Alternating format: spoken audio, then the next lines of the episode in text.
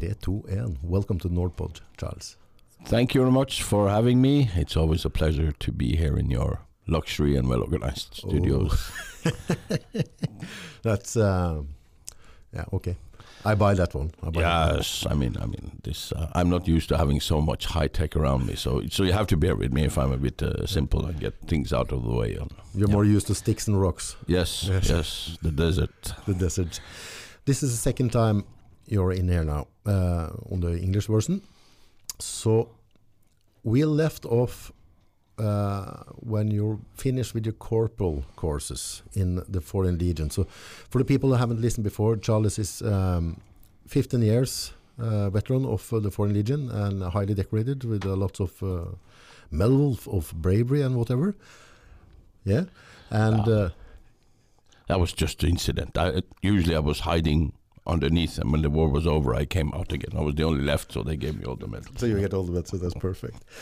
So the the um, the thing we're doing with this podcast is Charles taking taking us um, to the history in the first one, the history of the Foreign Legion from 1831 and and up to today, and explain a bit about the structure and how everything is functioning and uh, the pieces falling together and what makes the Foreign Legion to be a special special army or or a fighting force. And in that, we are also taking you are taking us through your experience from day one in the Foreign Legion. So where we left off last time, we was finished with the corporal degree. You have done your uh, your demanding first training. That is correct, and I um, you know, I if people are joining us here, I really, really suggest them to go and listen to to episode one first to get a clear picture of uh, of how it's all put together. Um, so we're in the middle of the 80s sometime, and uh, I'm uh, as a young corporal leaving the school regiment in the south of France, and I'm transferred, posted to the French Foreign Legion, First Cavalry Regiment. Yes. Uh, and what, what's the difference with the first, second, and third cup? So yeah, just you know the the that's basically uh, it all's just a tradition. So you have the first cavalry regiment. We had the second cavalry regiment, but it was disbanded after a unhappy event in Algeria at the end of the Algeria War. And uh, so we have also uh, the second para regiment. The first has been disbanded. So the number is just a coincidence, you know. Okay. So, yeah. Yeah. So we, we, yeah, just to follow up that a little bit, you know, we have we have two infantry regiments, we have a para regiment, we have two engineer regiments, and we have one cavalry regiment. These, are the uh, operational uh, forces of the legion. In addition, comes the school and administration regiment, as well as the permanent uh, representations overseas in other countries. If if, um, if we're going to explain the the um, regiment and the, everything in a, in a um, umbrella, how is it's everything structured Mm, yeah, in yeah. Legion? So. Uh, and how many people's in Exactly, yeah. exactly. Yeah, so it's uh, I think for those who are used to to a Norwegian or a British uh, or a NATO organization, uh, we can argue if it's a regiment or a battalion. Okay, but a regiment is somewhere between uh, a thousand to one thousand eight hundred. yeah Okay, so a small regiment, like the first rec where I was, the cavalry regiment is quite small, about 1,000. But a big infantry regiment can be 1,800, 1,600. What happened is this is the uh, organizational unit uh, where the people stay in a place. So it is uh, the administrative structure where we will, live and work together. So Yeah. this, this, let's say, thousand man unit that is posted in a city. Yeah. Okay, and it has a speciality: engineer, para, infantry. Okay, so, Yeah. so to be a regiment, you have to have different branches Yeah, under yeah. the same umbrella. Yeah, no, the- is it an umbrella over the regiment again? yeah, that's the that is the brigade. Brigade. Yeah, division in France, or we say brigade. This once more is a bit difference in in terminology. A, a, a brigade could be six to ten thousand men. Uh, what we otherwise call a division. So they have different type of regiment. They will have an engineer regiment. Infra. These can operate independently. So a regiment is more specialized and is divided into companies. You ever heard that when you were in the army? A company is somewhere between 150 and 200 men, sometimes a bit more. and uh, that's the next level. Uh, downwards, a regiment will have four, five, six company, and in addition, a support company. That stands for administration, uh, support, and organization, and then four or five companies, or what we call in the cavalry squadrons, that are organized as fighting units. Okay. And when you go into the squadron, you go once more down. It's exactly the same organization again. Inside a squadron, a squadron, as I said, 150 people, commanded by a captain. A regiment is commanded by a colonel.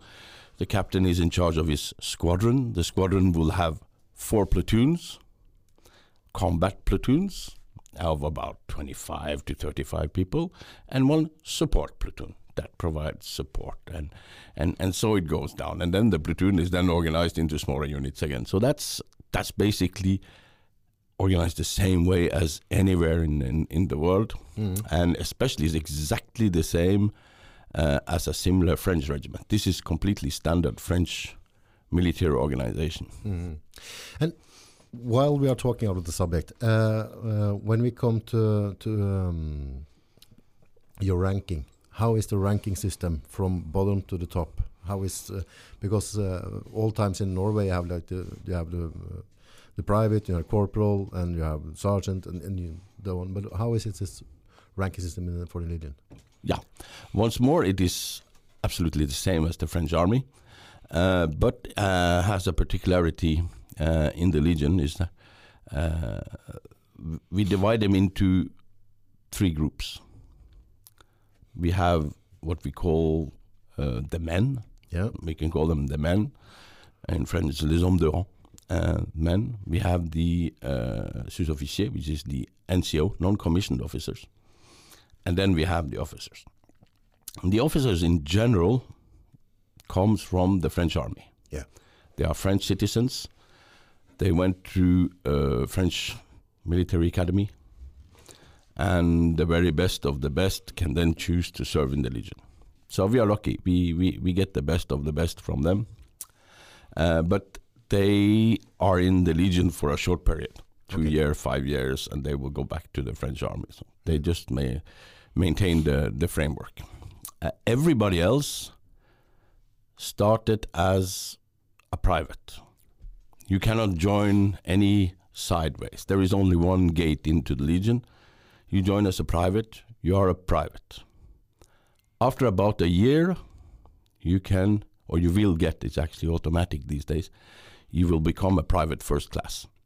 Private first class. So That's, that's the one first step up. One strap, one stripe, yeah. One stripe. Okay. Yeah. So and he, he hasn't does an automatic step up, and it comes from the days when um, when when um, uh, when France had conscripts. Conscript. What does it mean? Conscripts is førstegangstjeneste. Ah, yeah, okay, okay. yeah, yeah. Yeah. Okay. Conscripts, and Yeah. and basically, each, Drafts. yeah. Yeah. So when the legionnaire has passed the time of theoretical, like the conscripts, he get one stripe because he is a professional. He has, he has he has gone through his teaching time and he's supposed to be a confirmed established. He get one stripe. After that, we have the corporal. hmm Um, the corporal is uh, two green stripes. Okay, he he will have go through a school for that. We can, yeah, we have been through that, and uh, and um, he has the leadership ship of two, three, four, up to five men Up to five. depending on the, of the organization. Also, we get the in the living area. Usually, he's in the legion. They are usually living. When you are living in camp, you have six uh, legionnaires per room, Mhm. big rooms with six beds, very cozy. So he's the leader of of a room, and he will be the leader of a jeep or a little vehicle. Uh, in the cavalry unit that we will talk more about, or in the infantry or elsewhere, he will be the leader of five men. So it's the first level of command, and he is the one who makes sure that things happen. He is the first level of command. He will be in charge of making sure people get up, get there, are there on time, or organized.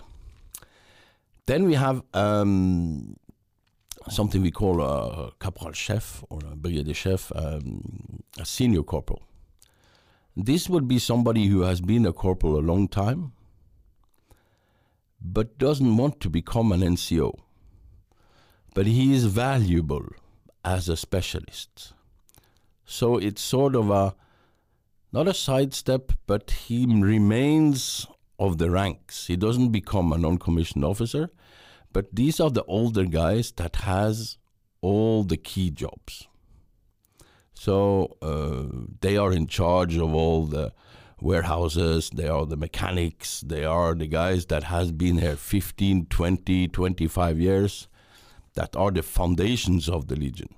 But they still live in the same quarters as. Uh, Yeah, they live in the same quarters. Yeah. yeah, yeah. A little bit better, but they live among uh, with the with the. but I don't share the room with the six other. Uh, Uh, sometimes they can be a leader of a room if they are still, but they can also have their own room. But it will be inside the squadron or company uh, housing Yeah. complex. So they, they live with them. But they are more long term, or they will be in the support unit. So I have several friends that are doing this. They are, you know, if you go to the support company that are doing where the mechanics, the cooks, the administration, the transmissions, where all the supporter, it's full up of this rank. okay. Yeah, and they work there, they live there, and they they are part of of the system keeping it flowing. We have a very good Norwegian friend. I think he has been almost thirty years in the Legion now. Um, he's a bus driver. Yeah. So he's a bus driver at the at this bus station, and um, he goes four months on operation outside every year, and the rest of the year he's a bus driver. Okay. Yeah. So uh, that, those are that's what's also often a difference uh, with many other units. Uh, and we were talking about difference between the Legion and other units. We do everything ourselves. Yeah.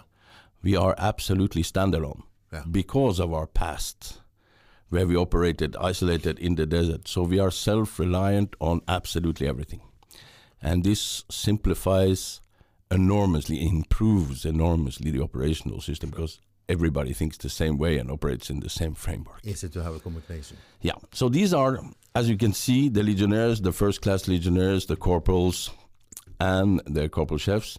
They live in the camp, and they are the bedrock of the system. They are the bedrock that is doing the work, making things happening. They are, of course, they, they are, and we call them hommes They, they are the, the essential of the troops. Then we have the NCOs. The NCOs are what we call non-commissioned officers in, in English, uh, sous-officier in French. And these are, um, it's seldom, it can happen, it's seldom that a senior corporal will become a sergeant. As I said, it's more a sidestep and into a speciality training. So it will be corporals that are particularly competent, or like in my case, are able to pretend to be competent, uh, that get selected and sent to sergeant course. And after a training in the Legion, every sergeant will become an infantry sergeant. Yes. Even if he's a cook, even if he's a computer specialist or he's a mechanic, it doesn't matter. First of all, he becomes an infantry sergeant. That is, to keep it very basic, from an infantry perspective, he's in charge of 10 men. Mm. 10 men, and he operates this uh, 10 men, what we call, uh, is it squad in English? I Yeah. think, yeah. He operates uh, and commands these 10 men. And then after, after becoming an infantry sergeant, they will then be sent to the training of their specialty, para, another infantry training or cavalry training or computer administration, cook, uh, you name it. Yeah. And that, that's uh, same as you talked uh, when you have uh, had that um, that fight in in Mexico. Uh, they took every people together, even the cooks. But as you say, Yeah. you start with the infantry. Every even if you are a computer sergeant, you gonna have to learn to be an infanterist first. Yes, Yes. and and so and, they can actually use you in active duty if Yeah. necessary. and and and we have this. Maybe I I regress a bit, but uh, you know, we come back. Every time we go outside on an operation, we will talk about Chad today. Every time we go outside on an operation, we will take support from the support company to boost the volume of the people going. So we will get several of these old guys. This, for example, my friend, the bus driver, now, he will join in and he will be in charge. He will get an operational job on the trip. So uh, we take this ex-fighting soldier who's now a bus driver, who is uh, 55 or 40, 45, 55 years old, who has 25 years of experience in the Legion, who has been on many operations, who who whose day-to-day job in the Legion is being a bus driver. Then we'll say now you will go five or six months with that unit into that operation area, and he will get an operational job there. There he can bring his experience, his know-how, his of the area of how to do operations and so on, and he will support the younger legionnaires that sometimes can have been very short in. So they come in uh, to add on as the as the as the support As an uncle. Uh, very big uncle. Yeah. So that can uh, can absolutely happen, and this we saw, as we say in Camerone in Mexico, all the support people were used. Yeah. yeah. So we are sergeant, and next step is Yeah, so the so the sergeant will be in charge of ten men, or in the cavalry units, he will be in charge of our main armored vehicles or all the small vehicles. So in a platoon, there will be three sergeants, and um, the next sergeant, next stage is the what we call the staff sergeant. The staff sergeant will have another stripe, of course, above them, the super sergeant, whatever, and he uh, he will be the second in command of the platoon. He will be supporting the officer or the uh, old NCO that is in charge of the platoon. He will be the platoon sergeant, we call it. Usually, when he is a staff sergeant, he will go through his platoon commander training. That will qualify him to become a platoon commander. And um, so there's the, the staff sergeant, we call them chef. It's confusing for the English because a chef in English is a cook, but um, we call them chef. Uh, they are the backbone. They are in charge of keeping the whole platoon together. These 35 guys. Usually, we will have a young lieutenant as a platoon commander coming from academy or military academy. In in our case, uh, the French cavalry military academy. So they they will have very long French noble names. They are young. They are very honest. They are very Catholic, but they know nothing about nothing. So he will be the guy in charge of keeping control of all this and keeping the, the unit together. And um, after that, we have a rank called adjutant, which is then it changes. Uh, the rank structure changes. You will see on the stripes. People can lock it up. These are we have we have two ranks that are adjutant, adjutant chef, adjutant, and senior adjutant. These are actually uh, in the British system warrant officers, so they are officers or platoon commanders without being it.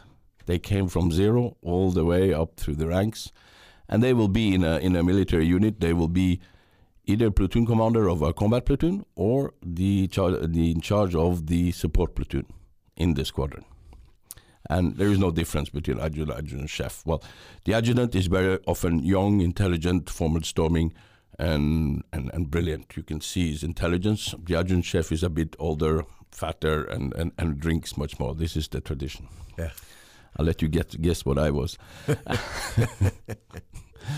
and then after that, we have one uh, rank which is called major, which is also confusing because it has nothing to do with the British major, but we would call the regimental sergeant major in the British system, or a senior warrant officer, which is uh, usually the oldest non-commissioner officer in the regiment, and he is in charge of the discipline for all the enlisted men, all the non-officer men. Yeah. After that, the officers are like everywhere else in the world, uh, often unexperienced in the beginning, very good after, and brilliant after a longer time. Yeah. Second lieutenant, lieutenant captain, major, lieutenant colonel, colonel, and a whole list of generals. Yeah. Yeah. But they are in their own mode. But um, I must say, I have always been most of the time pleasantly surprised by by the officers in the Legion. Yeah. Uh, of course, we are not going to mention any names. That would be the old idiot. But uh, but uh, in general, they are very good, and I see now years later, I, I always been impressed by their their honesty and their trust they had in us. So yeah, And when you uh, stopped as a legionnaire, you was sergeant major. yes, I was an adjutant. Yeah. Yeah. adjutant, Yeah. yeah. yeah. Yeah, after 15 years. Yeah. 15 years. I was adjutant and I was going to become adjutant chef at the end of the year. Yeah. Then I retired because things were different. Yeah. Yeah. So that is the the the the rank structure, and I think we we have to. We can uh, we can put the officers to the side. It's not my specialty. We'll talk a bit about it, but we have the enlisted men, we have the NCOs, and as you can see, these people, particularly the Legion, they can operate every operational part of the units. so they are there to get the machine. So why are they different to other units? Well, um, they are often much older. It's not uh, uncommon to have people that are 45, 50 years old that are staff sergeants or adjutants or or senior corporal, corporal chef. So that gives us an, an opportunity to have um, have people that are that are um, exceptionally experienced in their work. They are there for the long term, and they have been on so many operations that everything goes on rails. There is not a there is no turnover like in the No. like in, in, in normal forces. And this is another thing that I think the Legion has understood is that um, we always keep ourselves to the unit. The mu- postings are not for war operation, are not individual. It is the unit that Okay. they get sent Yeah. always, if bigger or smaller. It depends on the operation, but it's never individuals that are sent. And many Western armies they are individual based, so they will they will go to an operations area, create a unit, and they will send individuals and take individuals out. Okay. That doesn't work because each individual has to learn and adapt. We take the unit, we move it out, we move the unit out. Mm. Um, so I arrived there mid 80s, hmm first rec, and um, Then The- you're then you're a corporal then. There I'm a young corporal. Yeah. And uh, it's very interesting. Uh, you have to people have to go on Google and look up France if they don't remember. But uh, uh, all the regiments in the Foreign Legion are in the south of France or in, in Corsica. So for a young Norwegian, it was very interesting. Uh, uh, the cavalry regiment is based in a little city uh, called Orange, and it's in what we call Provence. So if you look at Marseille, you go straight north 100 kilometers, you get to Avignon.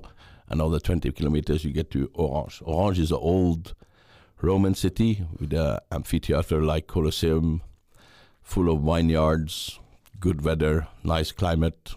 Unfortunately, we are never there, but it's uh, it's it's like a dream posting, and um, Orange being a small city, about 35,000 people, Yeah. uh, mainly lives by the military because it has an air base, an air force base. It has a French gendarmerie mobile unit, anti-riot unit, and it has the Legion. So most people living in, or at least used to live in this city, was was military personnel. And the Legion lives in, as usual, very old camp in the middle of the town, old-fashioned, but kept spotless. So. Um, it was very impressive to arrive uh, in a bus there uh, on October evening and to see this uh, immaculate place because the Legion spend a lot of time on fixing, painting, uh, cleaning, fixing up things. So people traveling in France can see that France can sometimes be messy, but it completely changes once you pass the gate uh, to enter the Legion. Um, even the trees are cut, uh, every branch is cut, and every little strip of uh, asphalt is cleaned and polished. Every, what do you call it, The um, pavement uh, corner is painted white.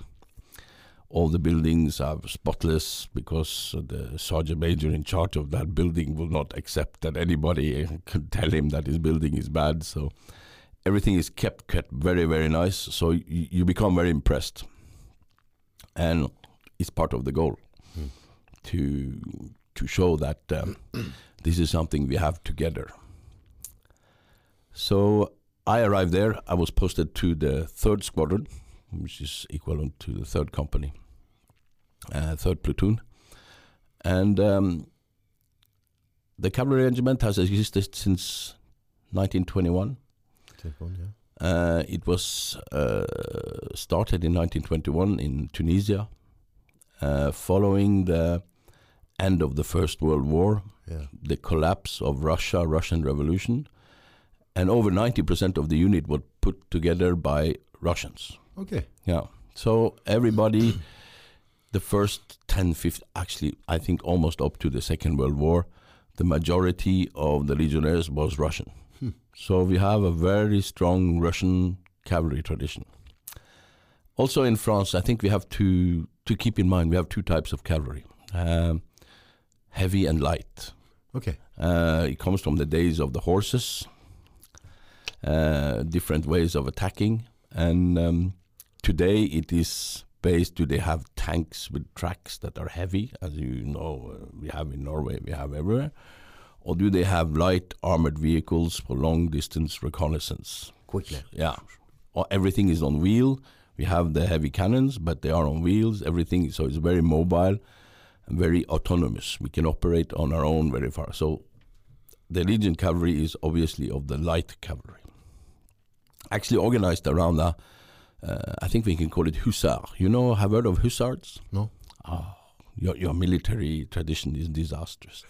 I don't know if you have seen in films, you know, from the old days or from when people were working, you have these people that have these stripes here on the uniforms. Have you never seen Yes, that? yeah, yeah. yeah. You see what I mean?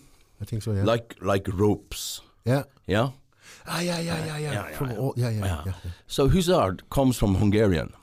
Ah. The number 20 in Hungarian is hus. ah.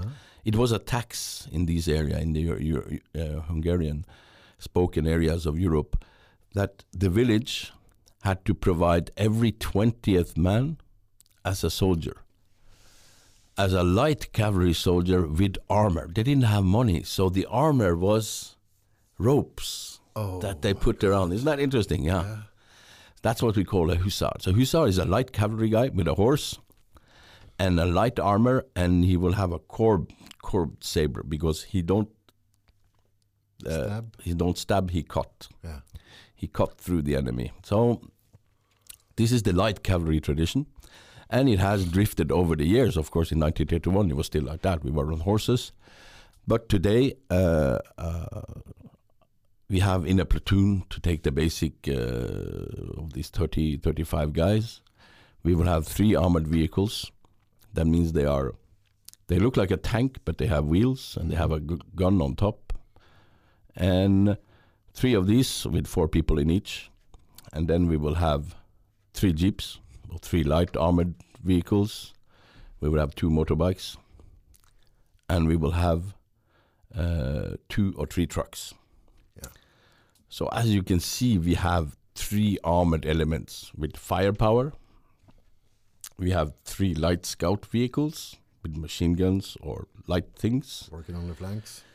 and we have motorbikes. That is even more on the flanks. So all this and trucks to to support us. Yeah. With more ammunition and food and Yeah, yeah, whatever. and Yeah, stuff, mm, it it all depends on the configuration. Um, so these are a very very light armor. The point is that we put them in aeroplanes. They cannot jump in parachute, but they can be flown anywhere in the world Quickly. Yeah. very quickly. Yeah, 24 hours we're gone. Yeah. So and and it's they are the unit is autonomous, so they can drop us off at an airfield in Africa anywhere, and we can go 800 kilometers. Yeah. alone, self-sustainable. Yeah. that's the whole goal. So I integrated a platoon of these uh, as a young corporal. I was. It were already rumors that we were going to to Chad quite soon, so I was um, immediately sent to all the courses because uh, in order to have a maximum flexibility, we used three different type of armored vehicles. Okay. Okay, heavy, less heavy, and light. So it's completely three different models, three different types, and we will take what we need or what is available where we get. Yeah. So basically, it's an AMX-10 RC, which is the the main. You, you we use uh, which is a 105 millimeter 105. 105 millimeter gun. It's like a modern tank. It has all the systems. It's about 19 or 21. It depends on the equipment we have. Ton can go at 110 kilometers per hour. It has a range of 800 kilometers. Oh. Then we have a medium lighter one, which is called ERC 90 Sagaie, which is a 90 millimeter, Yeah. three people, uh, a little bit more heavy, a little bit modern, but um, not always available. And then we have the older version, which is called the AML 90 and 60. That is smaller. It's all has like a Beetle engine uh, in the back, two liter uh, Beetle No. engine, ah, yeah, four cylinder opposed, Nej. And uh, and uh, and has a 90 millimeter cannon. I think it's about On a Beetle engine. yeah. That's crazy. Yeah, yeah, yeah, yeah. It's not a Beetle engine, but it's the same. It's a four-cylinder opposed, Yeah. air-cooled, um, very simple machine.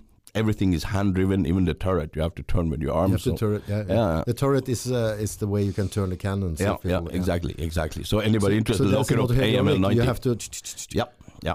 And you got two gears, and yeah, it's uh, it's interesting.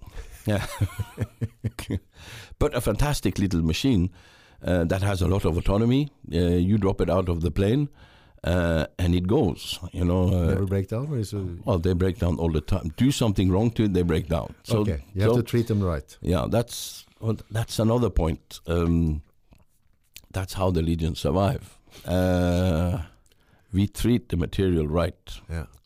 and how can I say? Uh, a few years later, we went to the Gulf War, Yeah. and my driver uh, in those days I was a tank commander. My driver, his name was Schmidt, still alive, very good man. Hello, Schmidt. Uh, he was at that time 48ish. Oh. Oh well. He had been in the. He was a German from East Germany. He had been 15 years the mechanic in the East German merchant navy on ships. After 15 years there, he jumped up off in a western city somewhere, joins the Legion, becomes a tank driver, and our tank when we left for the Gulf was eight years old. He had collected it from the factory eight years ago, Oh. and he was the driver of it. So you can see the experience this guy have. He know his tank. Yeah, yeah. If the engine make a little hiccup, he, hmm? Ah, Scheiße. so Yeah. yeah. this give you an idea. It was just to give you an idea Yeah, how yeah. we value the the knowledge of of, of uh, and how we use the the experience and the opportunities we take from all over the world to, to make the best use of them. Mm. Yeah, I, I've been thinking about the if you compare to the Norwegian army and and when you drafted in there, Mm. uh, example you get uh, um, a mission you're going to be at a um, truck driver. Mm. You're going to drive truck with people on back, yeah. Mm. And you come from middle of Oslo. Mm. You never driven a truck before. You have no interest. If it's a Scania or if it's a Volvo, you don't really care. You don't jack shit about engine, and you drive that for like nine months, Mm. and go back home, and you not sit in a truck the next ten years, and then you can be drafted again. Yeah. That's a disaster, you know, in in uh, icy roads in Norway. Because if you're going to become a truck driver, you have to drive for many years, and you have to know your trucks, you have to know your engines, and uh, and uh, or else you're a danger for for uh, for the streets. Exactly. I, I'm not allowed to say anything bad about the Norwegian No, armed no, no, no, no, no. I've never been there. I never allow myself a comment about them. I shouldn't. Um, but um, yeah, we experienced that. I was in Bosnia some years later, up in Mount Igman, there in the civilian war, and that's where we saw the the United Nations stupidity at its best, uh, because uh, United Nations, in its big wisdom, had decided that the unit next to us should be a squadron from Bangladesh. Okay. So we said, okay, uh, why not? And the problem is they sent a unit from Bangladesh where nobody had a, or very few had a driver's license. But it didn't matter to United Nations. They sent them to Germany, three weeks training on old Russian trucks from the East German that was left over there for years. And after a few weeks of training in Germany, they sent them to the winter mountains in Yugoslavia, thinking it would work. Okay. That's Of course, a disaster. So we ended up with a double job. Yeah. I drove driven a lot of heavy equipment through X-rays and trucks and everything, and Mm. bulldozers my life myself. But you can, you have to drive a lot Mm. to be a good driver. Mm. To to don't get stuck or get get yourself in trouble. And and uh, and some people just have it in their hands. You have to have some feelings Mm. for your equipment. You know, same same with your rifle. You, Mm, you need to you need to know your rifle. Sure. Yeah. Sure, absolutely. You need to know. And drill and training is essential, and it's essential that you take the time to give it to everybody because you might need everybody. Yeah. Hey, even as a simple thing as a rifle, you know, uh, every um, every rifle have a different trigger point, Mm. and uh, when you get used to your, takes you a long time to get the feel for Mm. the rifle. You know, the shot is not the same with the first shot and the tenth shot. When when you get some temperature in your barrel, you know, you need to know Mm. your equipment. Yeah, it's um, the Legion perspective is, is, is I think uh, we much spoke about last time, but we can take it again. It's I think it's it's an interesting pers- pers- perspective. Is that I, I used to have a platoon about thirty five guys. My goal is not to have super marksmen. My goal is that at two hundred meters, every shot is a kill. Mm. Every shot. And that's what you have to work for.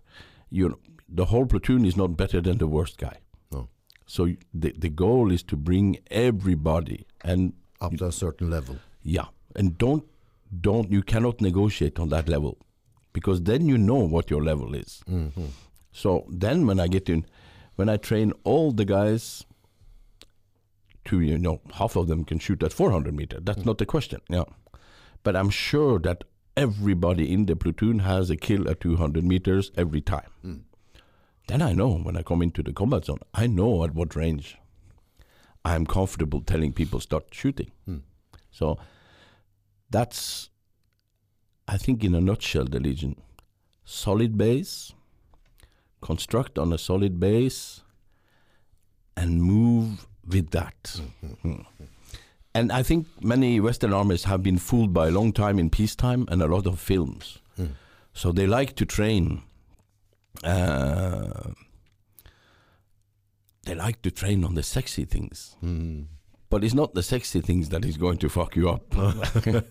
it's the simple things. I, I think you remember we had a in a country we know very well. We had a we had a terrorist incident ten years ago, and uh, apparently there was a young man uh, killing people on an island Mm. or killing children.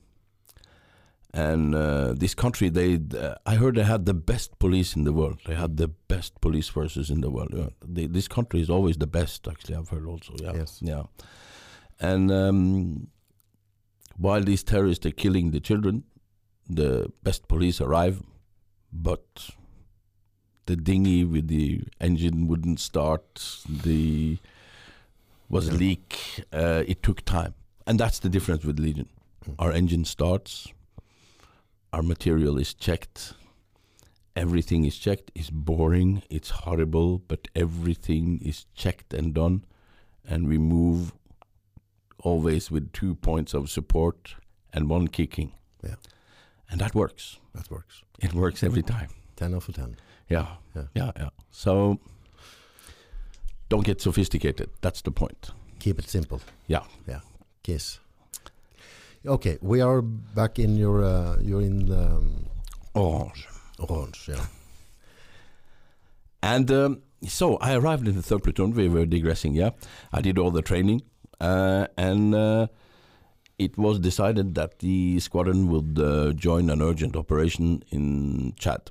Chad. Where's Chad in? So we have to go to Google and open the map of Africa.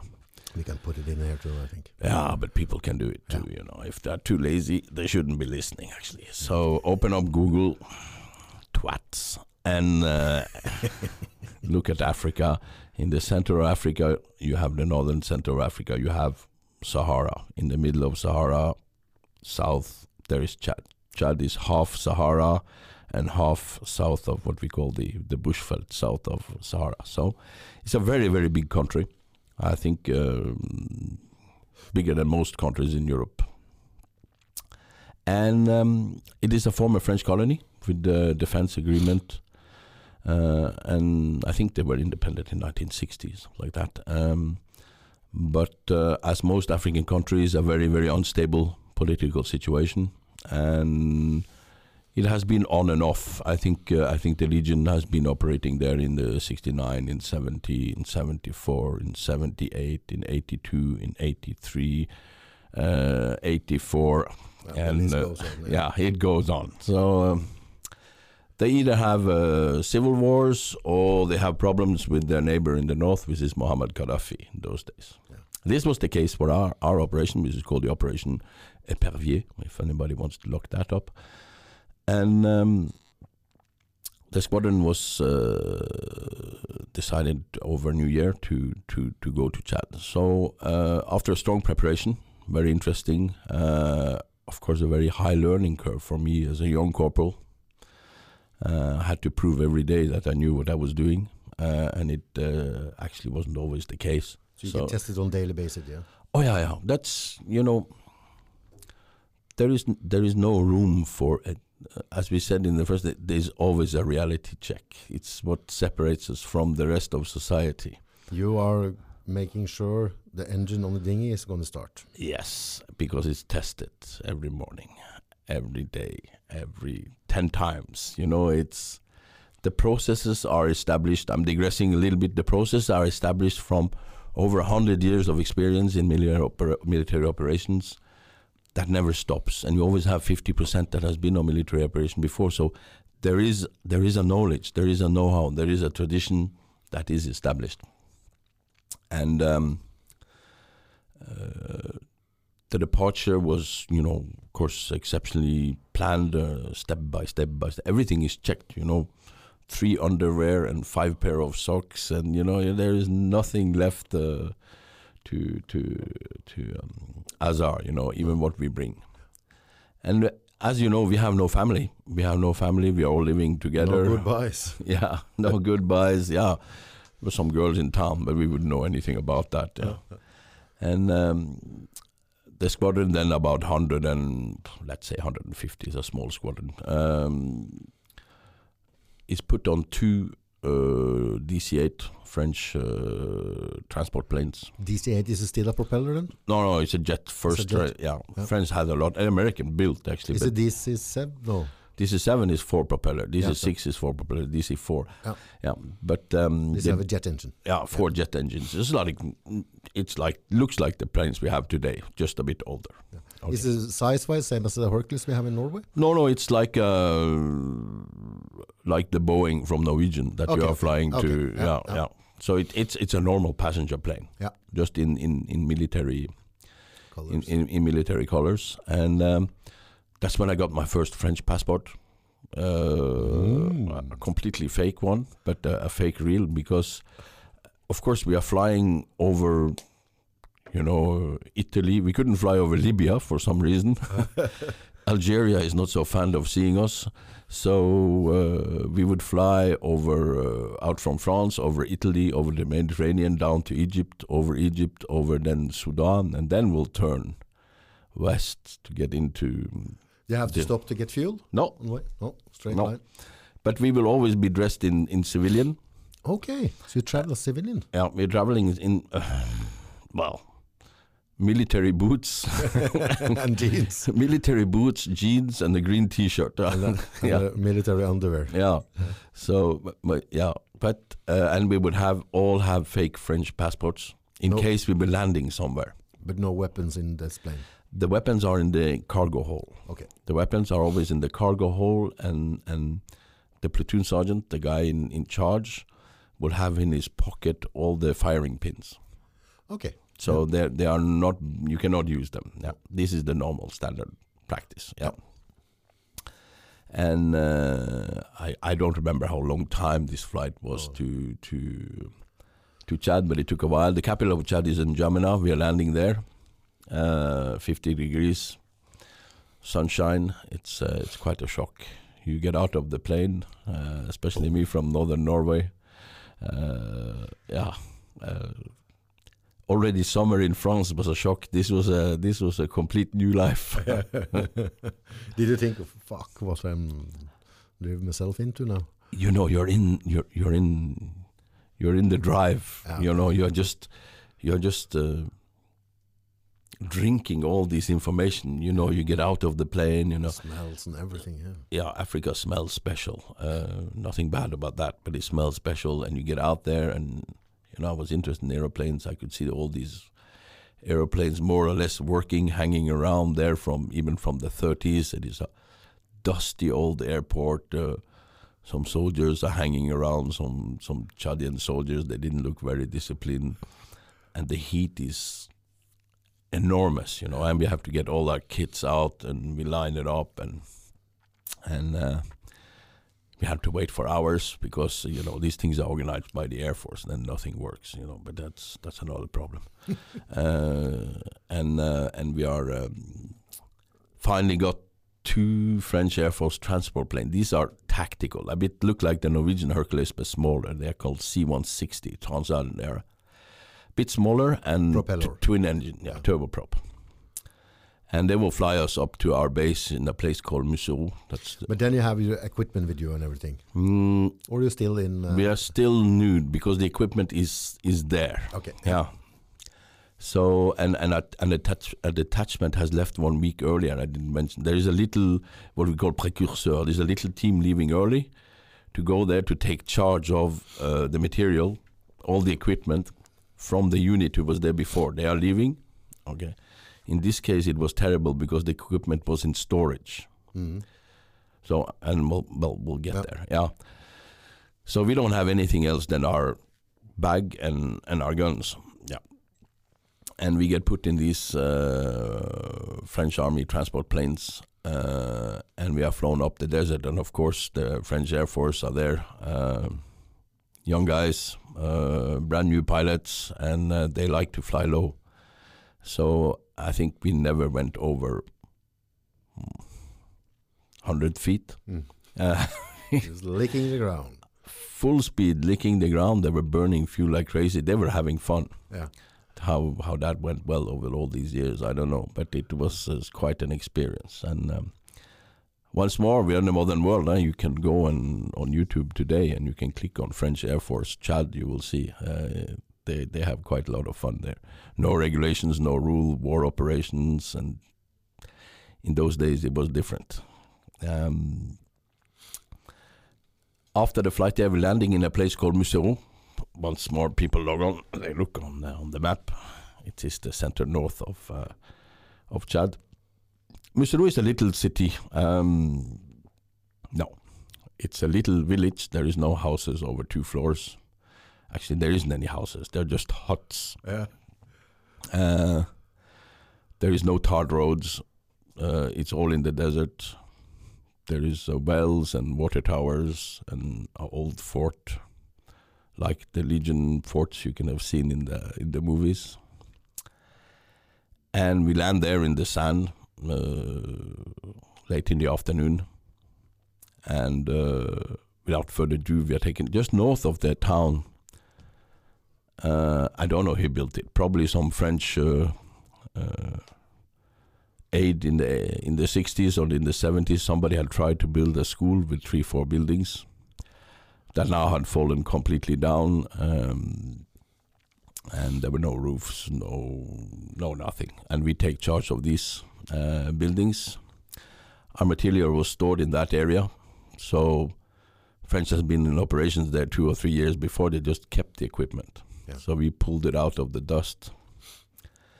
And, um, well, the Legion system kicks into gear suddenly. Um, most armies in that case would just install themselves temporarily.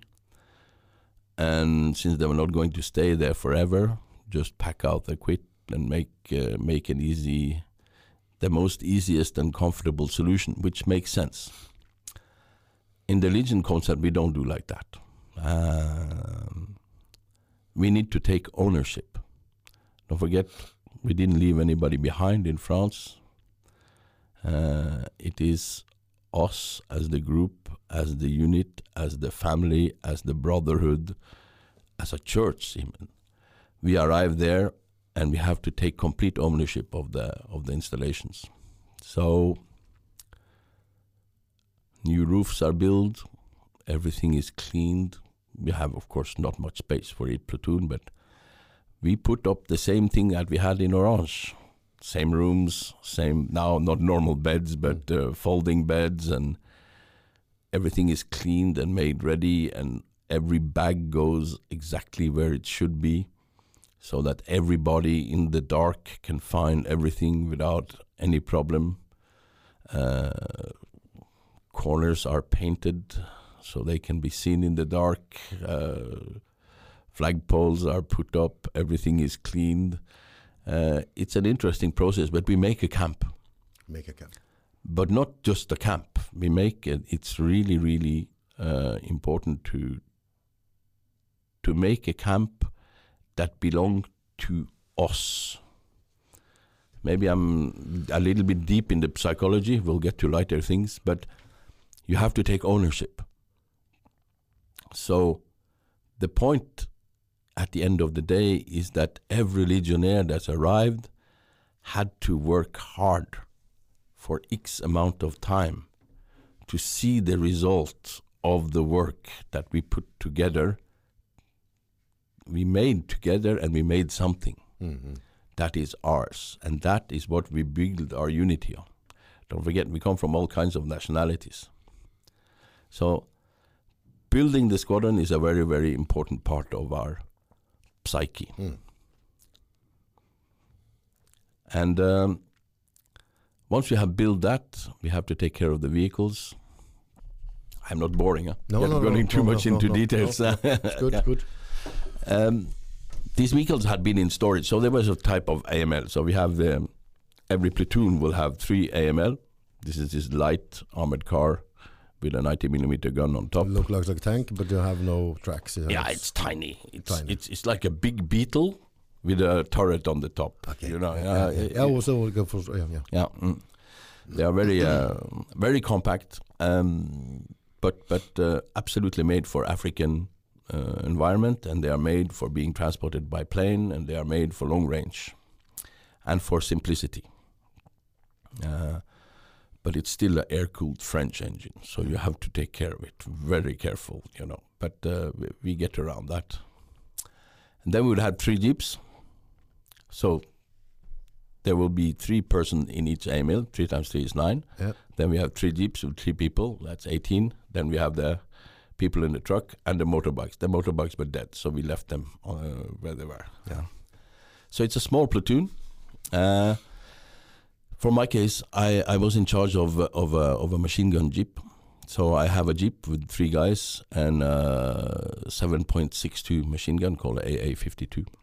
I'm not sure. I'm because we were changing caliber. It was a 7.5 or 7.62. It's, a not belt, important. Belt machine gun. Belt feed, Belt box, feed. 200 rounds uh, on the on the uh, on the passenger side Yeah. and move around, and one guy in the back. Uh, And the Jeep was the same Jeep as we saw in Second World War Two, was it? Exactly. It was a Willys jeep, exactly the same as got off the beaches in uh, Normandy. Uh, the French, after the war, constructed on license by a company called Hotchkiss. Oh, So they constructed a few jeeps. Um, I think this one was from 48. And um, the driver I had was uh, another guy, I forgot his name. Anyway, uh, uh, very experienced guy, and he immediately saw this Jeep has been in the Air Force before because it hasn't been approved at all. So that's usually what we told. When things are shit, they have been in the Air Force. The Air Force guys will hate me.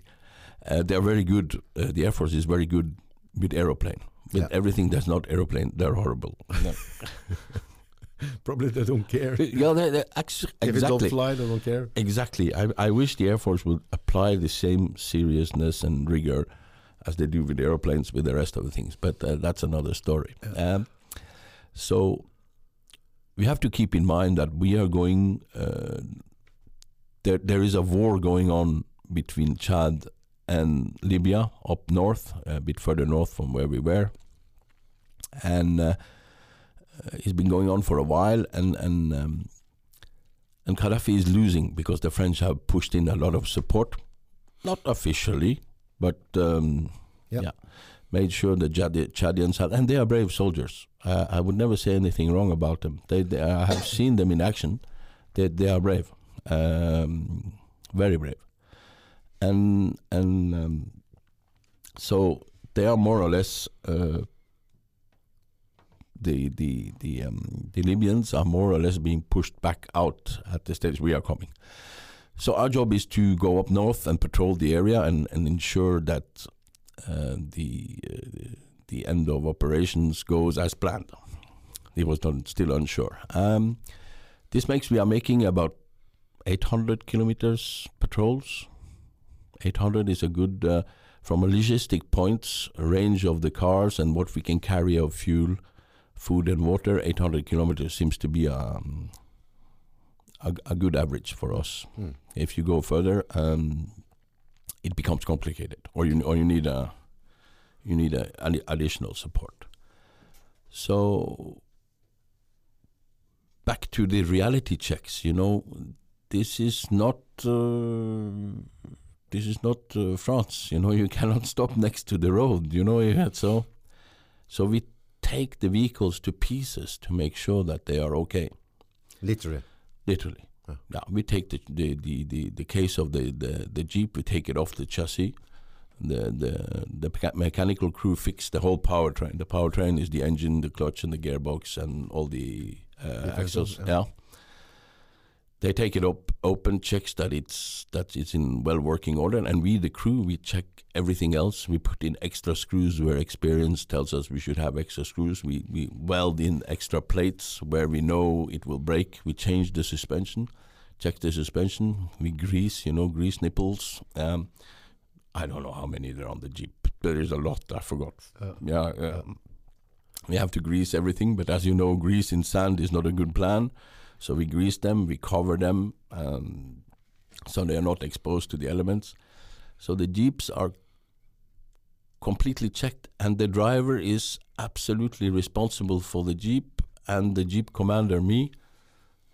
My career is depending. My my status as a as a corporal in the Foreign Legion is depending on that. I'm not breaking down. Mm. I mean. I can have a breakdown, you know, if the engine explodes due to being a 50 year old engine, that doesn't matter. But if you have a breakdown that has shown that I haven't been careful, I'm done. Mm. I'm not done, but my repu- reputation is done. Uh, and this is maybe we didn't talk about it too much. I, I, I more or less exposed the Legion as some sort of happy, happy party, but it's not a happy party in that way. Is that if you are responsible, you are responsible, and you have to prove every day by a reality check that you are up to spec because everybody is depending on you and you are depending on everybody. So we have to take the Jeep to parts, to pieces, very, very, very consciously and put it together and make sure that it really, really is up to spec. And we changed the whole electrical system, recable. All this takes, I think, one or two weeks. Uh, but then you are sure what you have. Uh, mean, yeah. the Jeep is in itself is quite simple, and that's why I'm happy. And this is probably one of the problems that um, that uh, that modern armies are meeting today is that the vehicles are so complex that this is not possible. Yeah. and you end up with a proc- product that is maybe reliable or is not reliable. But in, in our in our unit, it's it's simpler. We use very simple material. Anyway, the point is to get from A to B, Mm. and there is no armor on the Jeep. So your armor is your speed and your intelligence. Mm. So uh, and the Jeep is so light, you can lift it out. Mm. Uh, if you get stuck in the desert, you can lift it out. Uh, just get more than five guys, and uh, it can move. Yeah. Yeah. Where was I? Yes, you you uh, get your vehicle ready, and uh, up north. Yeah. you're, you're gonna go up and So, patrol. of course, uh, then the the operations of uh, of patrol is going to start, and uh, as you know, a squadron has, I told you, four combat platoons, and one support platoon, Mm. all operating out of these bays. Mm. Actually, we would move a little bit further north to a place called Salal, and uh, put a forward base there to then push forward forward north. And this is the uh, you haven't heard maybe the Djurab Desert is very interesting. Um, this part is the south of Sahara. Mhm. It's a huge, undulating, uh, not flat, but a very interesting floating desert. Um, it is uh, it is an old lake. Today we have Lake Chad. It's a lake in Chad that is close to N'Djamena, which is not so big, still a substantial lake. But the old Lake Chad was bigger than Germany. Oh, So this part of the country, or most of the country that is today Chad, used to be a huge lake when Sahara was not Sahara, when it was green. It has several happened several times in our, our history. And so we're actually driving on the bottom of an old lake for hundreds of kilometers. So you see all these fossils, all these uh, shaping grounds. It's a bit strange because you can actually understand you are at the bottom of a sea yeah. yeah you get the feeling you know and you can imagine the desert and i i, I you know you see these uh, fossilized or stone trees sticking up that was the old uh, shorelines or you can find a lot of bones a lot of fossils laying around actually our ancestors are from there some years later in 2002 i think um, a French uh, paleoanthropologist searching for our human origins, he found uh, a skeleton there of um, that he called Toumaï. He's eight, seven million years old, and it's the oldest human ancestors Oh, we yeah. know about. That's crazy. Yeah. So, um, So have a lot of history in this desert. Oh yeah, yeah. No, it's amazing. It's it's it's really interesting. So. We are not hundred percent sure, but the oldest ancestral ape walking on two legs. Uh, that's the point. Was walking on two legs. Uh, we have know about in the world is this they call it tubai, tumai. Uh, was found in this area. So Hmm. probably that's where we come from. Yeah. All humans on this planet. So anyway, we were we were uh, we were patrolling in this area all the time, and to take us such a long 800 kilometer trip will be on patrol.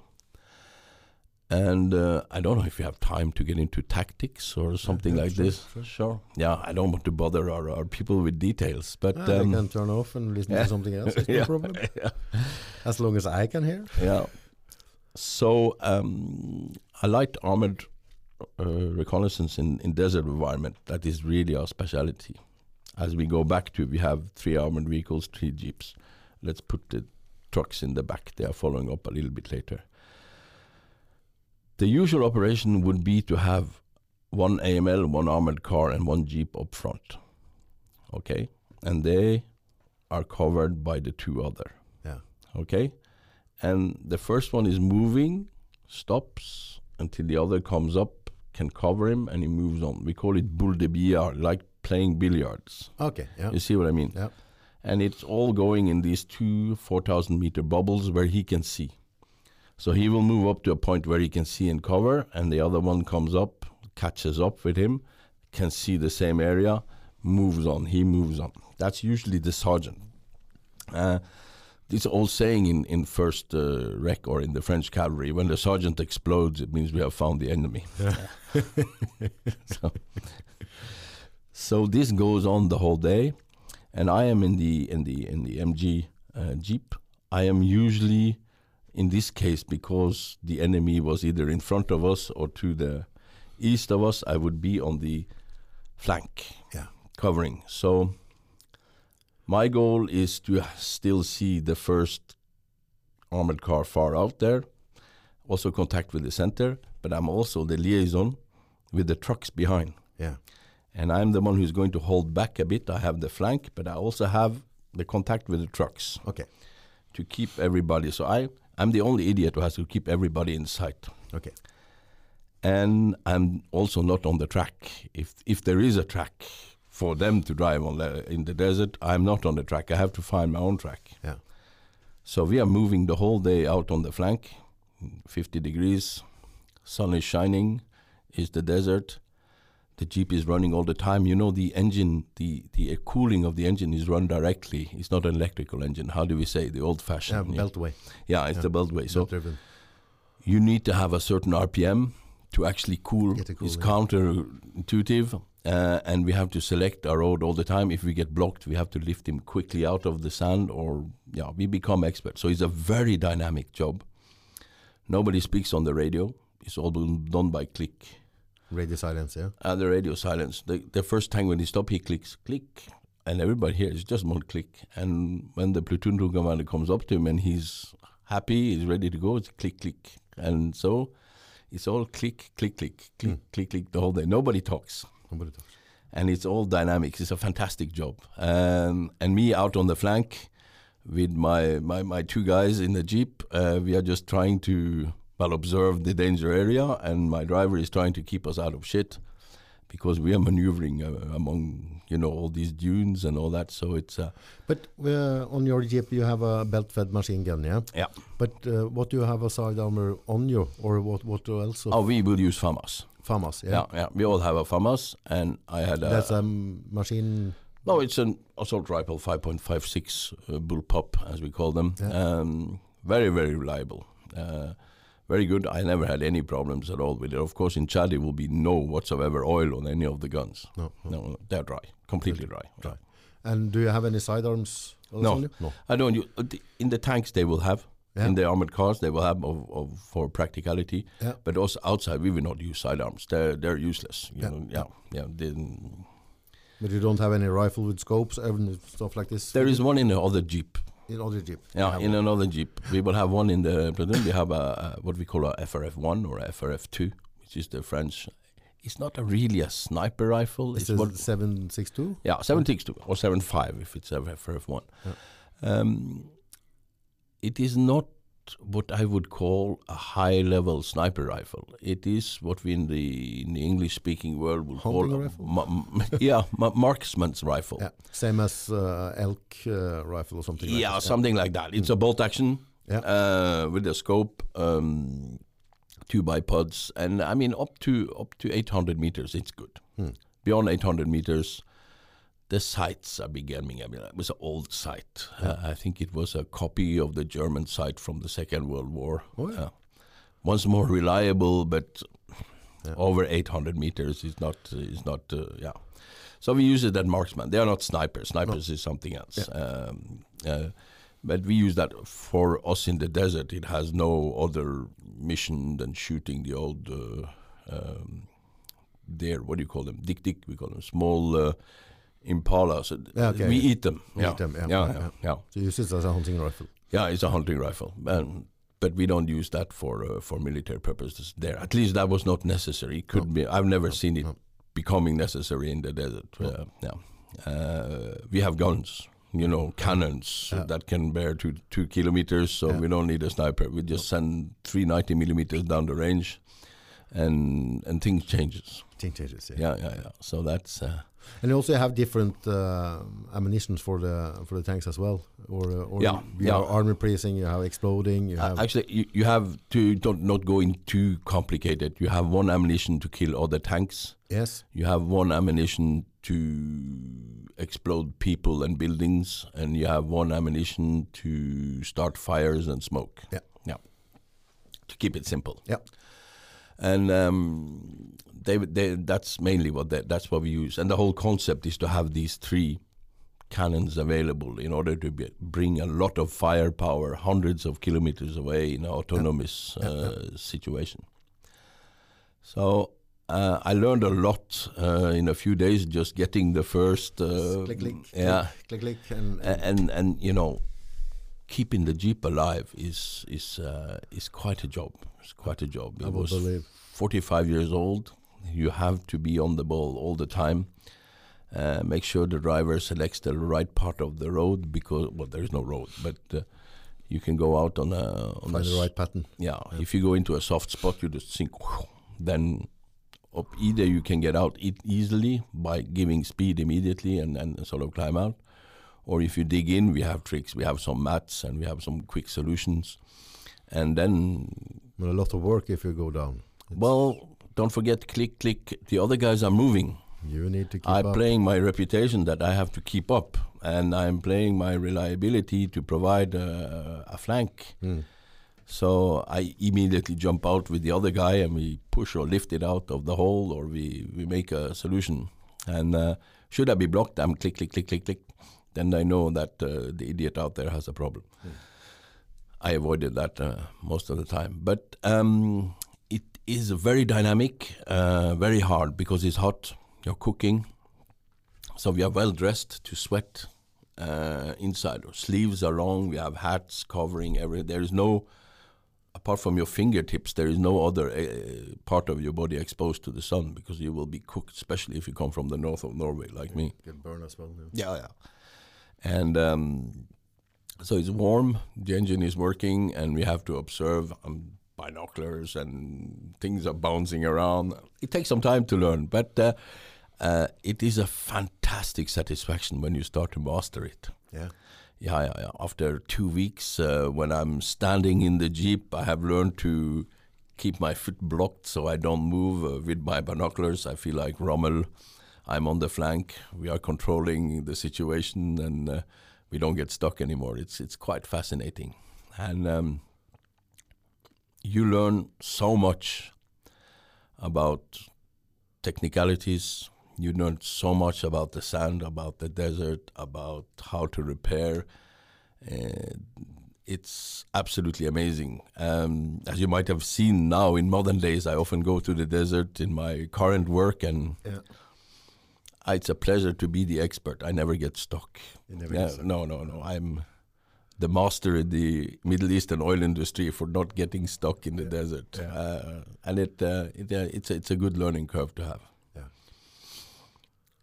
But in uh, in uh, all that work you have, you know, I understand uh, you don't have the pleasure of any luxury. How how you eat, how you sleep, and uh, and uh, how do you make your quarters in nighttime? Because when you're out on on a savannah tour, Mhm. uh, you also have to sleep sometime. And how much usually you sleep on a patrol like this, and and how do you feed yourself? You know, the sun goes down. Let's say it's simple at six o'clock. Yeah. and it comes up at six o'clock. To keep it simple, Mm. you are not doing anything between those two. Okay. Yeah. So, uh, what we would do in a, in a in a situation like this, we of course group together, and we put up um, a defensive perimeter. So, usually what you do, we we get the trucks up. We put up uh, organization uh, for food and a fire and all this, and we put a tank, our uh, armored vehicle, and a jeep with observation further away Okay. And in the back, or usually down in a valley, or in a no, valley is a big word, but in a yeah, yeah. Um, things are made normal as uh, as other camping uh, tourists. You know, the, that's not a problem. But um, we have a. It's very simple. It's rolled out. The food is there, and there is a rotation of cooking. So somebody is cooking. But Uh, are you cooking on an open fire or yeah, you- gas. We have a gas in the truck. A gas in the truck. Yeah, a gas in the truck, so that, or you can you can you know there is not so much wood to start fire, so so we have a gas in the truck and we have a measured amount of food that is um, that is predisposed. So we just heat this box of uh, of food that is supposed to be eaten that day, and we dispatch it. But you organize with tent or you sleep on the, the No, there's no need for a tent. No need, no. It doesn't rain. Doesn't no. no. Waste of time. No, no, no, no. You just How is that feeling? First time you was out in the desert and you and you sleep on the open. then you discover that there is a billion of a billion stars. Yeah. Yeah. Because you have no light source, no nothing you can see up. Yeah. Oh yeah, yeah, it's amazing. It's amazing. But you know, you have been driving the whole day. You can't count too many stars before you go to sleep. Huh? No, and yeah, it's still in a war zone, so we keep it discreet, and we have two crews on ops all the time. Yeah. So there is a corporal awake at any moment. Yeah. Since we only have four corporals, that means that I will be awake at least. Normally we take two by two, so I'll be awake half the night anyway. Yeah. As guard duty. and uh, there will be two or three legionnaires, you know, wanting manning the armored vehicle and and and, and the machine gun. So we will have a, a, a team that is awake. So you don't sleep so much, No. but um, that's part of life, you know. That uh, shapes uh, shapes the youth. But no beer or nothing out there? Oh yeah, we would have beer. Yeah, Yeah, yeah.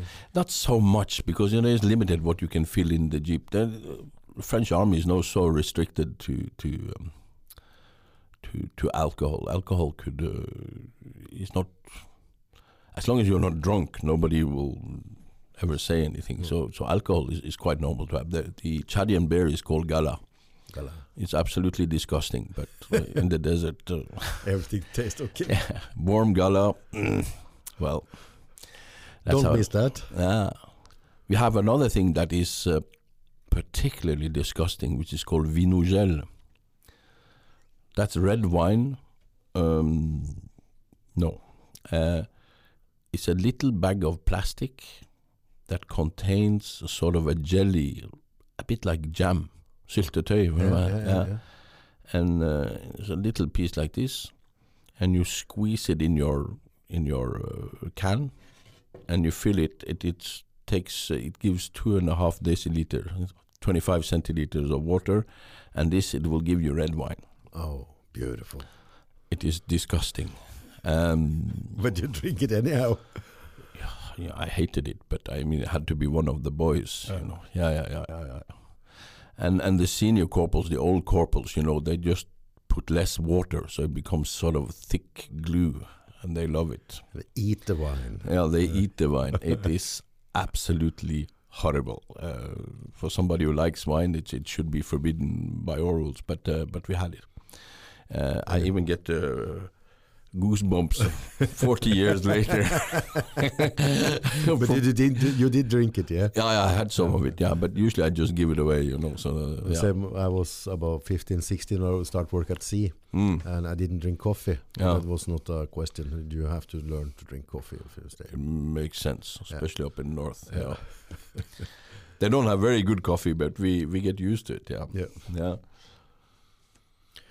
So, so then a normal night is sleeping out in the desert with Mm. the with the sky as a roof, Mm. uh, eating uh, a cup of wine, uh, and A- a and do your guard duty. A cup of wine and the food will be. Um, uh, we had these uh, boxes of five kilos of ravioli or spaghetti bolognese or something Oh. like this. So- Sort of a can with five kilo. It works for a lot of people. It's very good. Yeah. And just keep it in the sun in the afternoon, so you don't even have to cook it. Okay, you can just eat it straight away. I was uh, 40 kilo lighter than today.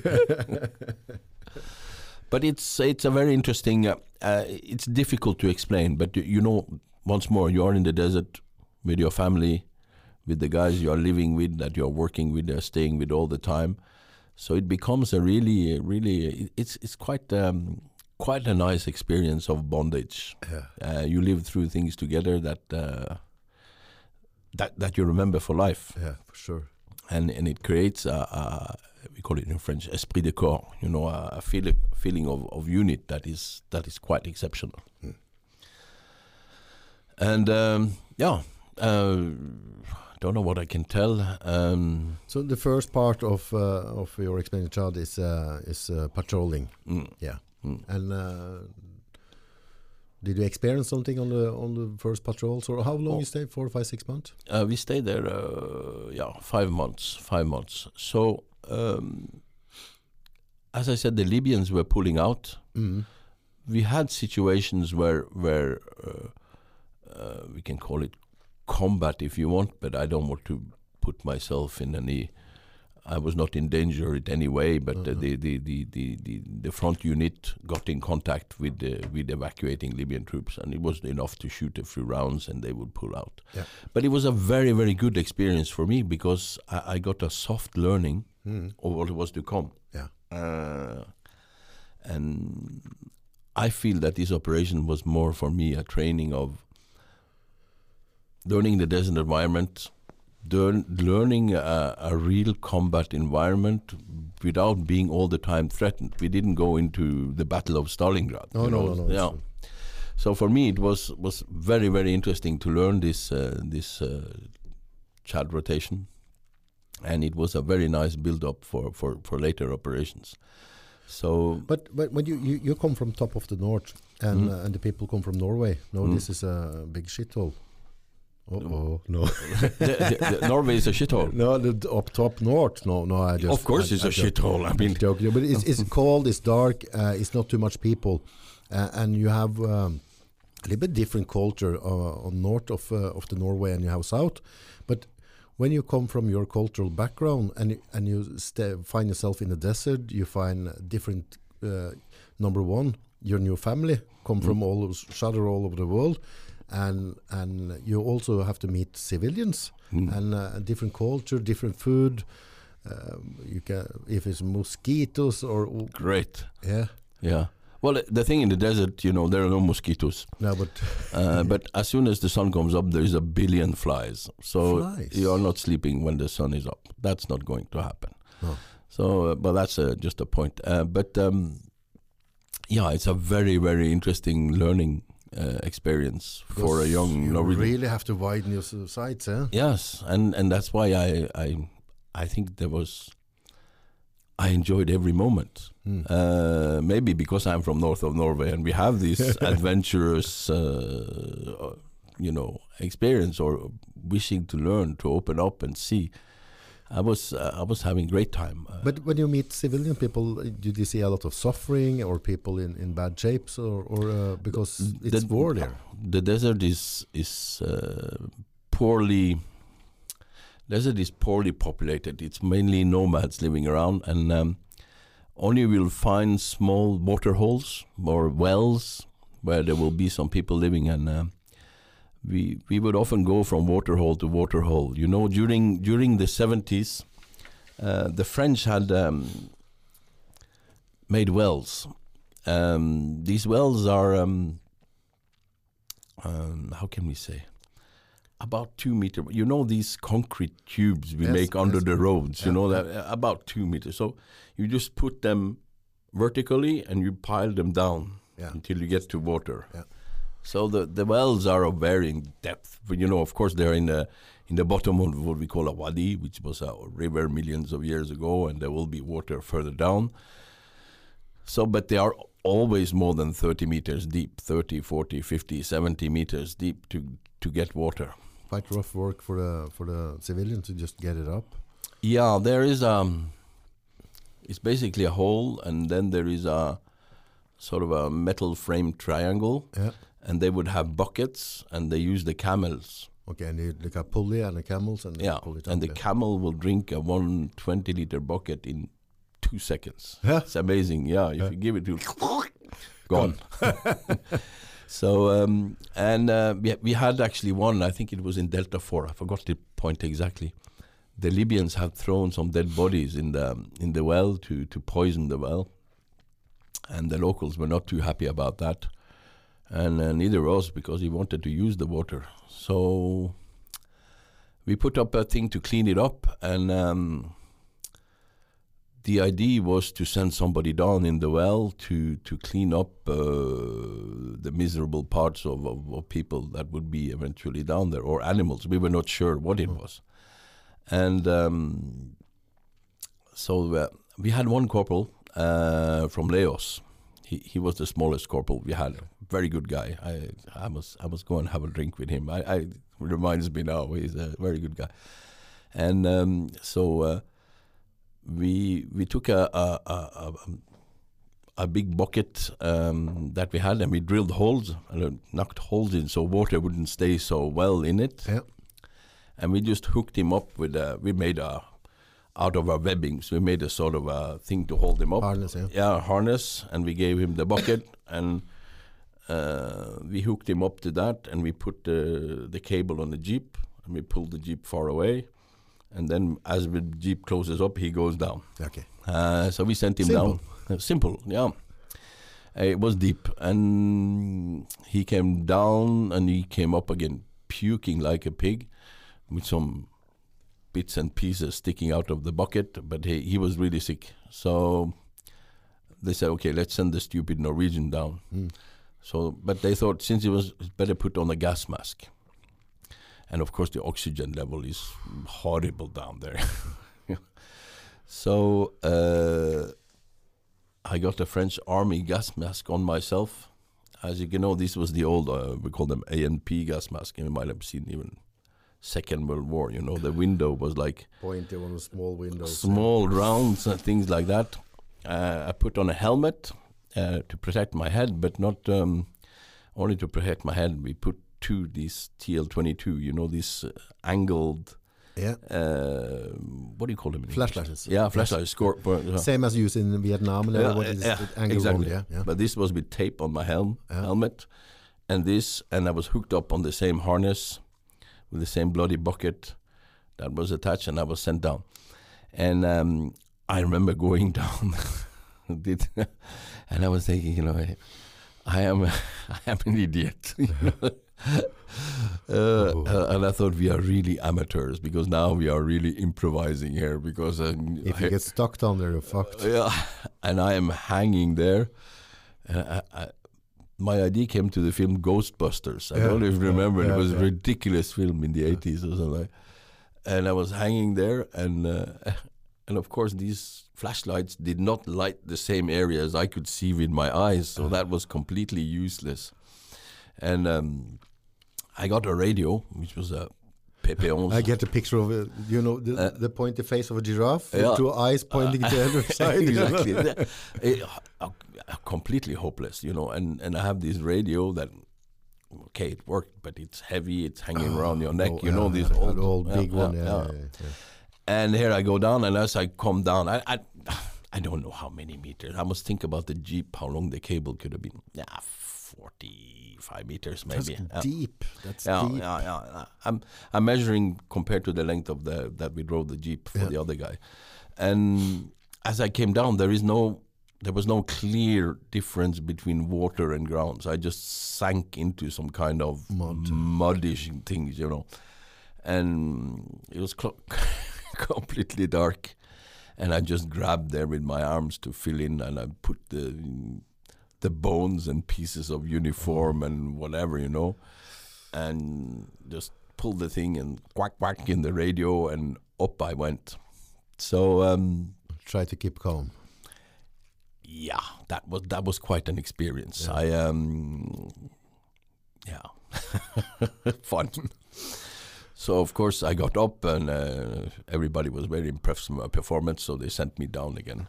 uh, I did three trips until we were more or less cleaned up, and um, everybody was very happy to me. And uh, the the staff sergeant, sergeant chef, he, he thought he was an Italian guy, very nice. He's ah, very good, very good stuff. So uh, I- I got a free shower.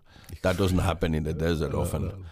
But um, I had got ten liters of water, which is a fortune in the desert. But I still stink dead body for, for, for several days, and the Oh, crew was yeah. complaining with me in the jeep. And they, "Ah, you stink. I was like, well, that's uh, that's how it is. And um, yeah, we, we we pulled some water out uh, the next day, cooked it, of course, uh, strongly. It seemed to be okay, and we told the, the locals to leave it two or three days to let it settle, and because they didn't want to cook the water. Oh. They don't cook the water. Yeah, they don't cook the water, so they got strong stomachs, I suppose. Yeah. Yeah. So, um, yeah, we would go from well to well, talk with people. You know, we always have people who speaks Arabic. Yeah, because they use also, also the wells as a, like a waypoint. Yeah, and they are the natural tracks between, and they're they're the only immovable reference point in this world. Yeah, you know. because everything is moving with the wind and shifting. Yeah. Yeah, yeah, yeah, yeah, yeah. So the so these wells are the point where people tend to stay when they move around with their camels.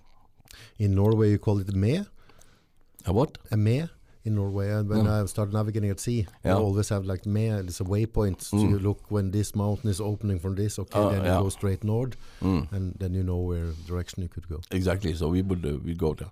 So our our trip will be up north, following the the um, uh, Libyan evacuation, and then we'll make loop west towards Niger, and then come down again uh, to our camp. Yep. Where we will get cleaned up, fixed and we'll do a week of guard or something like this, uh, you know, in our camp that is our house and our home. And uh, once we were uh, all set, well, we would just go back out again. Repeat. Yeah. So that was, um, I think, a very very interesting learning curve. I, I I'm you know I'm 21, 22 in charge of a jeep of three guys in the middle of a desert operation. Top of the world, mom. Yeah, yeah. Well, you know, for a for a little boy from the north of Norway that didn't know very much before, it was it was quite an experience. Felt probably beautiful. It made uh, the foundations for my whole rest of my career. So uh, I consider myself very lucky to have been able to. This is my my my first operation, uh, giving me a lot of experience that I could um, that I could uh, hold. So after about four or five months of this, um, well, Muhammad uh, Muhammad Gaddafi finally got his troop back in Libya. So that calmed down, and we decided to move all the equipment to the Central African Republic.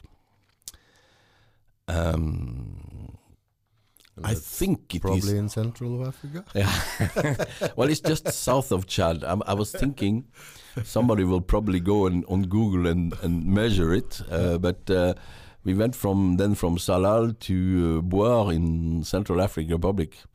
Um, it can be measured on Google. I'd say it's about 3,000 kilometers. Maybe I'm wrong, Yeah. but uh, out of my, my nose. Uh, maybe a bit less, you know. Um, yeah, I don't know. I don't remember. I wouldn't, but, but it took uh, took took a while.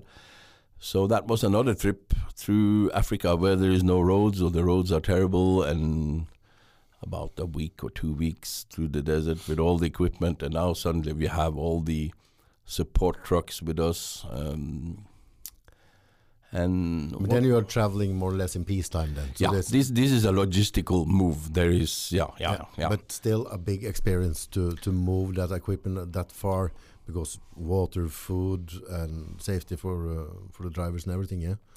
everything is a big operation and the roads are they are horrible Yeah. and then they are you know, it's it, the, every moment it's a death trap Yeah. you know and uh, i remember we were crossing a river or um, there was some sort of a ferry you know a cable ferry Yeah. Yeah. yeah yeah that's hauled by a cable and over the river is maybe 200 meters not a big thing but both sides are very steep hills and um, There's more or less like a like a platform pulled with a cable over. That's correct. Yeah. That's correct. Yeah, you can take two trucks or something like this. It's a small operation.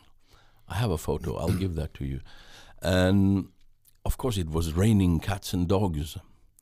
So now we're coming here with heavy trucks sliding down this thing and just sliding out of control straight into this platform. Boom. Somehow we didn't tip over. I don't know how. yeah, because the platform is not that steady, I believe, because in there they just build the platform for whatever they have, and Yeah, and here you come with the eight, nine, ten ton of armored car down the hill. You know, that's um, that's not good. no. So that was a was very hair racing, but uh, Keep Um, the tongue straight in the mouth and just point out. yes, Just go for it. yes. And we we were driving in jeeps. Uh, I was still with my jeeps, of course, also. And uh, I learned the next thing as soon as we came to the southern Chad. The old senior corporal would stop us and no, no, we have to make and they took these metal bars out, and we had to put a metal bar that was about almost two meter high in front of the jeep. Yeah. Because out in the desert, there is no obstruction. But in the jungle, they can put up cables to chop your head off Oh. because all the windows are bent down, they're open, you know. So then, uh, new learning trick. Everywhere in the in the jungle, you will have a metal bar up front of your jeep that will cut any cable that is put up in front of you to Yes. to damage the crew. Yeah. And we got into to to Central Africa. Uh, then we have to go. I think Bouar is more on the border of uh, Cameroon, if I'm right. Yeah. Quite interesting. There's a job. There's a big French military camp that we installed there, and we we, we, we did the last month or so with um, anti-poaching operation, patrols arresting poachers that was trying to kill elephants. Uh, And that's civilian people. Is it organized? no, it's a mafia. It's a Um, mafia, yeah. uh, Africa is is Africa is a big mafia. But of course, the poor people doing the killing, they are they are just the victims of a of a system, you know. But um, more a policing operation. Um, some of my colleagues got into got into a heavy fight with this, but but uh, once more, I was lucky. I was in another area, Yep. and um, and I more or less got gift, a good gift of jungle experience. Yes, because that's a quite heavy experience. Yeah, There's a lot to learn. Yeah, and and and It's you know, this- different from from north of Norway with rocks and uh, I can ice. come from the desert, and now it was rainforest, uh, uh, elephants and crocodiles, and so it was a new learning curve. And um, I was um, I was detached to um, French army um, artillery unit, Mhm. parachute artillery, called 35 Artillery Regiment, and they were operating there with 20 millimeter guns on trucks. I don't know if you have seen. You can imagine a small truck with a 20 meter machine cannon on the back. Yeah, because then it's not a machine gun; it's a cannon. yeah, Twenty- yeah, yeah, yeah. It's quite big, you know, and it's heavy, you know, and and and more for artillery guys, you know, Yeah. for serious. Uh, And what, what reach do you have on those ones? Uh, 1800 meters. Oh yeah, Yeah, And yeah. they can also have explosion project. Oh, they have small explosives. Yeah, all Yeah. of them. Yeah, yeah. They're not. Uh, yeah, yeah, yeah. They are mainly used anti-aircraft. Okay, yeah, That's the plan. But uh, in Africa, we tend to use them towards the ground. Yeah. And and they will provide support, what we call, you know, pull up and uh, suppressing fire. uh, yeah, yeah. And um, they were going on on uh, on trips uh, in the jungle, and they were uh, experimenting some some some new stuff. And I was a young corporal, but you know I come from north, north of Norway, and uh, as a child I was doing uh, orienteering. You know, Yeah.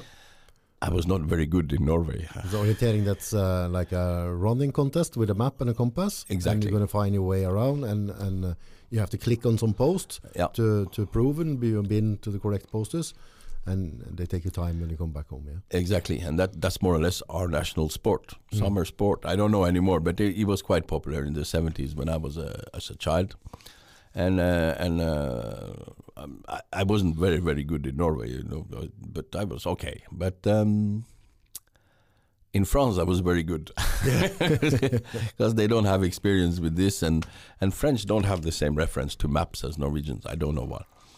They usually get lost.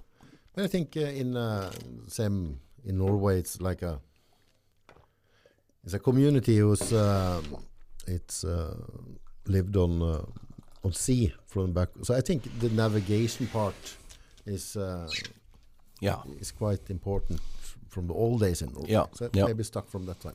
Yeah, and also we were poor and lost, and we didn't have any, yeah, roads and all Yeah, that. So, yeah. so yeah, so uh, yeah, I was lucky in my regiment uh, on these orienteering courses. I've never been number two. Uh, not because I am good, but because the others are bad. Yeah. So I was detached there as navigator to to help them navigate through the the, the jungle and the on the poorly mapped tracks and actually verify the map and Is it hard to find a waypoint? In, because if you read the map and you can see some heights and some some valleys, whatever. But in jungle, it's I imagine it's uh, very difficult to get oversight. Yeah. Okay. Now remember, we had we had the map and we had the tracks on the map, and it was more a case of verifying that the map actually was correct, and we we. Uh, um, yeah. And, and when you have small tracks, is it as a human track, as an animal track, or because you have? no, no, no. These were, you know, we had 20 millimeter guns, so it, Okay, yeah, so you, yeah, you yeah. Drove, drove along. Okay, yeah, yeah, it was driving. Yeah, yeah, yeah. Driving on tracks that was horrible, and then you know excursion left and right, and Yeah. and it was also more confirming the map because it was quite unsure that the map was confirmed to to reality. You know, this has been made by photos of the jungle uh, 30 years earlier by the French Air Force. You know, this, so it's more a checking. So it was me and another guy, a sergeant, who had this uh, qualification. We did this mapping. So that was a nice trip around the the jungle, um, learning how that worked, and I, I got a crash course in in jungle warfare. Yeah. yeah. So um, Did you experience any uh, encounter with some civilian people and stuff? all the around? time, all the time in Africa, you know, Because now we're not in the desert, now we're in the jungle, so there, there's a Lot. bigger population. Uh, there is a saying, you know, you can, you can be in the bush in Africa, and you can drive around for hours seeing nobody.